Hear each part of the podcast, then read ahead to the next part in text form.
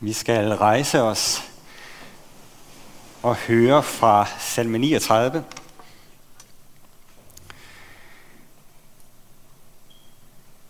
Lad mig vide, hvornår jeg skal dø, Herre. Hvor mange dage, der er tilmålt mig, så jeg ved, hvor længe jeg har igen. Mine dage måler du ud i håndsbredder. For dig er min livstid som intet. Hvert menneske er kun som et vindpust. En mand vandrer som et skyggebillede. Han samler rigdom til ingen nytte. Han ved ikke, hvem der skal høste den. Hvad har jeg så at vente på, Herre?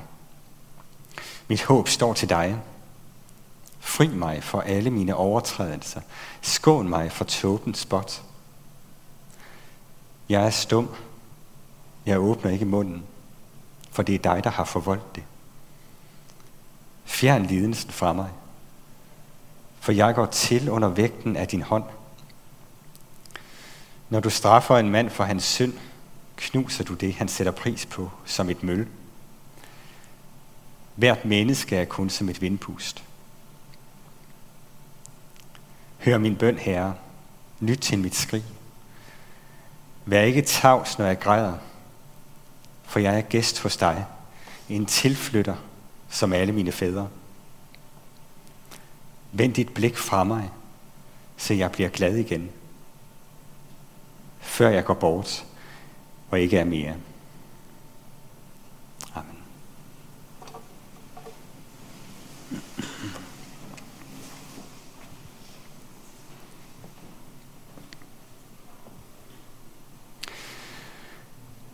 Det er svært, for ikke at sige umuligt, at generalisere, når det handler om Guds erfaring, når det handler om oplevelsen, min oplevelse, din oplevelse af Gud, hvordan vi mærker Gud. For vi er forskellige. Det er selvindlysende. Men vi er forskellige. Vores liv udformer sig forskelligt. Som mennesker er vi skruet forskelligt sammen. Og oplever derfor Gud forskelligt. Møder ham på forskellige måder. Jeg tror også, Gud taler til os på forskellige måder. Fordi vi er mennesker. En del af menneskeslægten, men alligevel individer.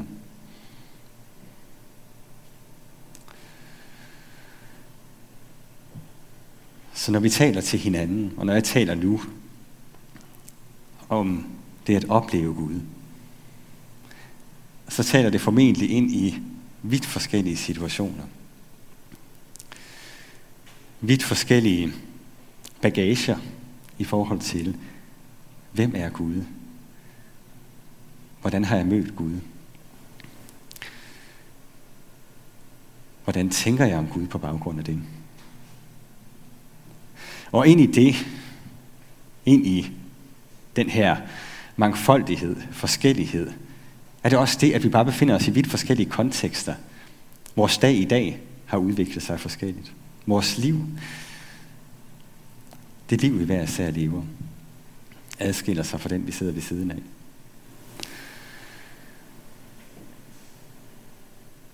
Når Gud opleves så har det med alt det her at gøre.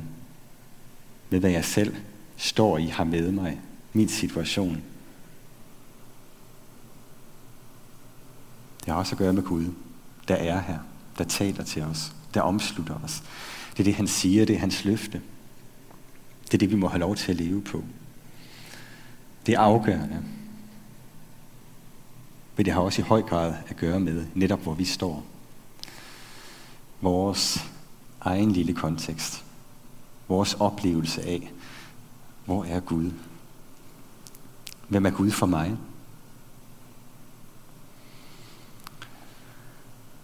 Hvem er Gud for mig, når jeg sørger, når jeg har mistet? Hvordan mærker jeg Gud i min bekymring? Hvor er Gud i min bekymring? Hvor er den retledning, den vejvisning, der kunne jeg ønske kunne gøre sig gældende, når jeg skal træffe et valg. For mig selv, for andre. Hvordan mærker jeg Gud, når alt bare er kaos, når alt vælter ind over mig, flyder sammen, jeg flyder med.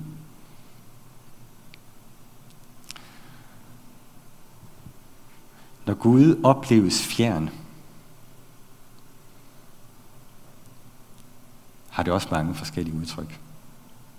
Fjernhed, hvad betyder det?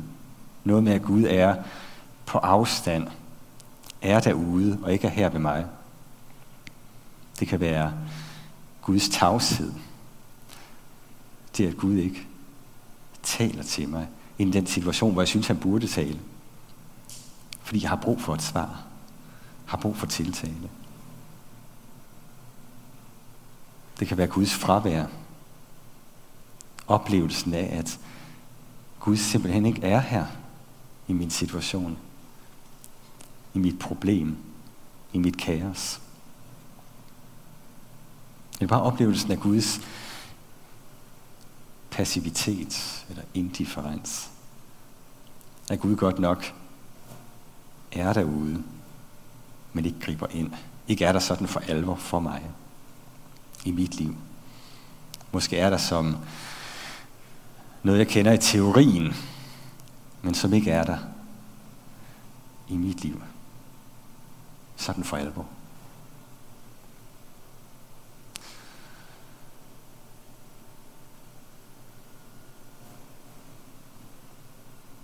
Gud ser os. Det er det, vi hører. Det, vi fortæller hinanden. Det der er folks vidnesbyrd. Det, der er grundlaget for, at vi kan samles her nu, for at vi har en kirke, at Gud ser os. At Gud giver liv. At Gud faktisk griber ind.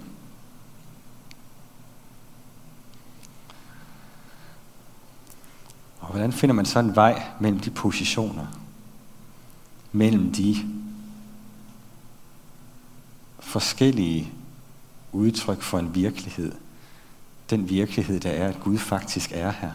Og den virkelighed, som jeg oplever, det at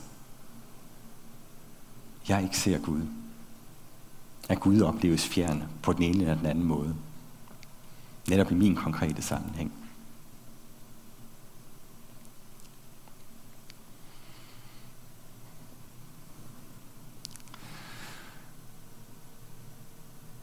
Det fylder meget i måden at belyse den her udfordring, gå til den her problemstilling, det med at tale til Gud, vende sig til Gud, råbe til Gud, skæld ud på Gud, hvis det er det, der er behov for.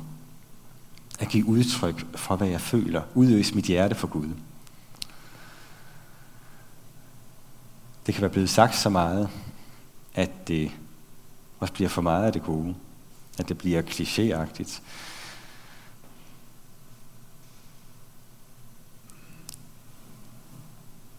Men samtidig er der også en sandhed i det. Netop det at vende sig til Gud. Midt i alt det, der fylder, der tynger, der overvælder, der knuser.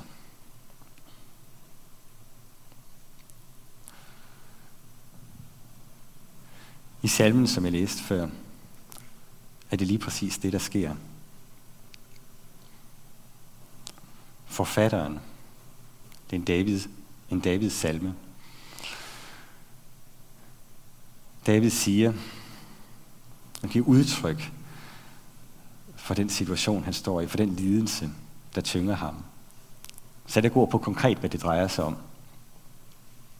Men giver alligevel udtryk for at være det menneske, der befinder sig der, hvor Gud opleves fjern på den måde, at Gud ikke griber ind. Men ikke fjern på den måde, at Gud slet ikke er en, man kan tale til. Men det kan godt være, at han har haft følelsen af, at Gud ikke er den, jeg kan tale til. Fordi hører han mig alligevel. Men ikke desto mindre gør han det. Han sætter ord på, hvad der fylder. råber det ud til Gud. Siger, at jeg lider, og du har forvoldt det. Tag min lidelse fra mig. Han spørger, hvorfor er du tavs, Gud? Og som afslutning siger han lige frem, vend dit ansigt fra mig. Ikke mod mig, men fra mig. Som om den Guds erfaring, eller den måde, han føler Gud på, er, at han næsten ikke kan være der, hvor Gud ser ham. Hans situation er for uoverskuelig. Han beder Gud om at vende ansigtet fra ham. Men selv i det er der en vende sig til Gud. En bøn til Gud. En bøn til Gud som den, der er grundlaget. Som den, der kan gribe ind.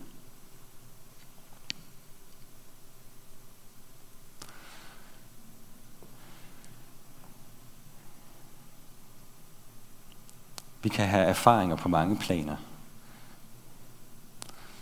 Vi kan have en erfaring, som er den smertelige. Som er den, at jeg er ramt af smerte. Fysisk, psykisk. Og stille spørgsmål. Og stille spørgsmålet, hvor er Gud da? Smertens erfaring og tomhedens erfaring at jeg ikke føler noget. At jeg måske selv bare flyder med. Ikke er ramt af nogen konkret smerte. Ikke ramt af noget konkret problem. Men at jeg er tom.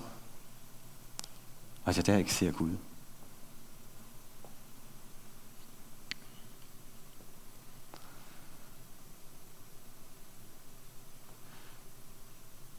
Midt i tomheden og midt i smerten,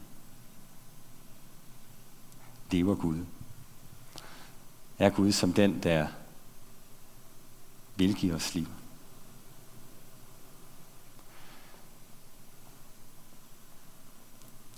Som den, der finder os, hvor vi befinder os. Som den, der tager fat i vores hånd, omslutter os. Som den, der trækker os op, løfter os op. Også uanset, hvad vi mærker. Eller at vi måske først senere mærker det. Vi har lov til at råbe til Gud. Sæt ord på, hvad der fylder os. Vi har også lov til at vente på Gud.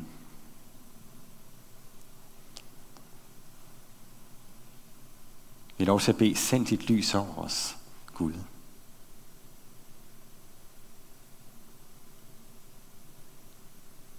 Og samtidig høre det ord til os selv, om også at vente. Vent på Gud, min sjæl. I øh, Nytestamenteteksten, evangelieteksten, der hørte vi om den her mand, den syge mand ved Bethesda-dam. Der havde været syg 38 år. Som garanteret har enten højt eller bare i sig selv, give udtryk for en frustration over netop den sygdom. Over at være i netop den situation.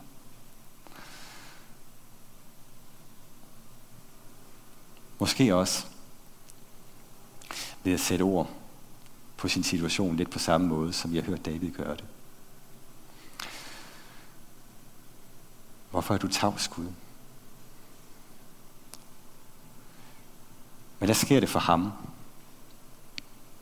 pludselig, uventet, at en mand kommer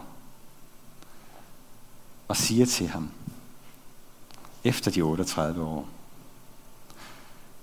rejs dig, tag din borger og gå.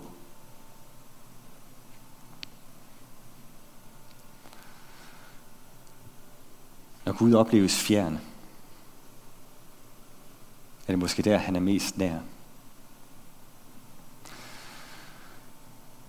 når vi selv befinder os i den mørkeste nat, er Gud i mørket.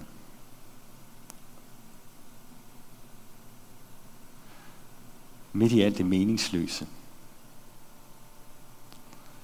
Midt i alt det, der fylder hver enkelt af os. Vil Gud være der? For os.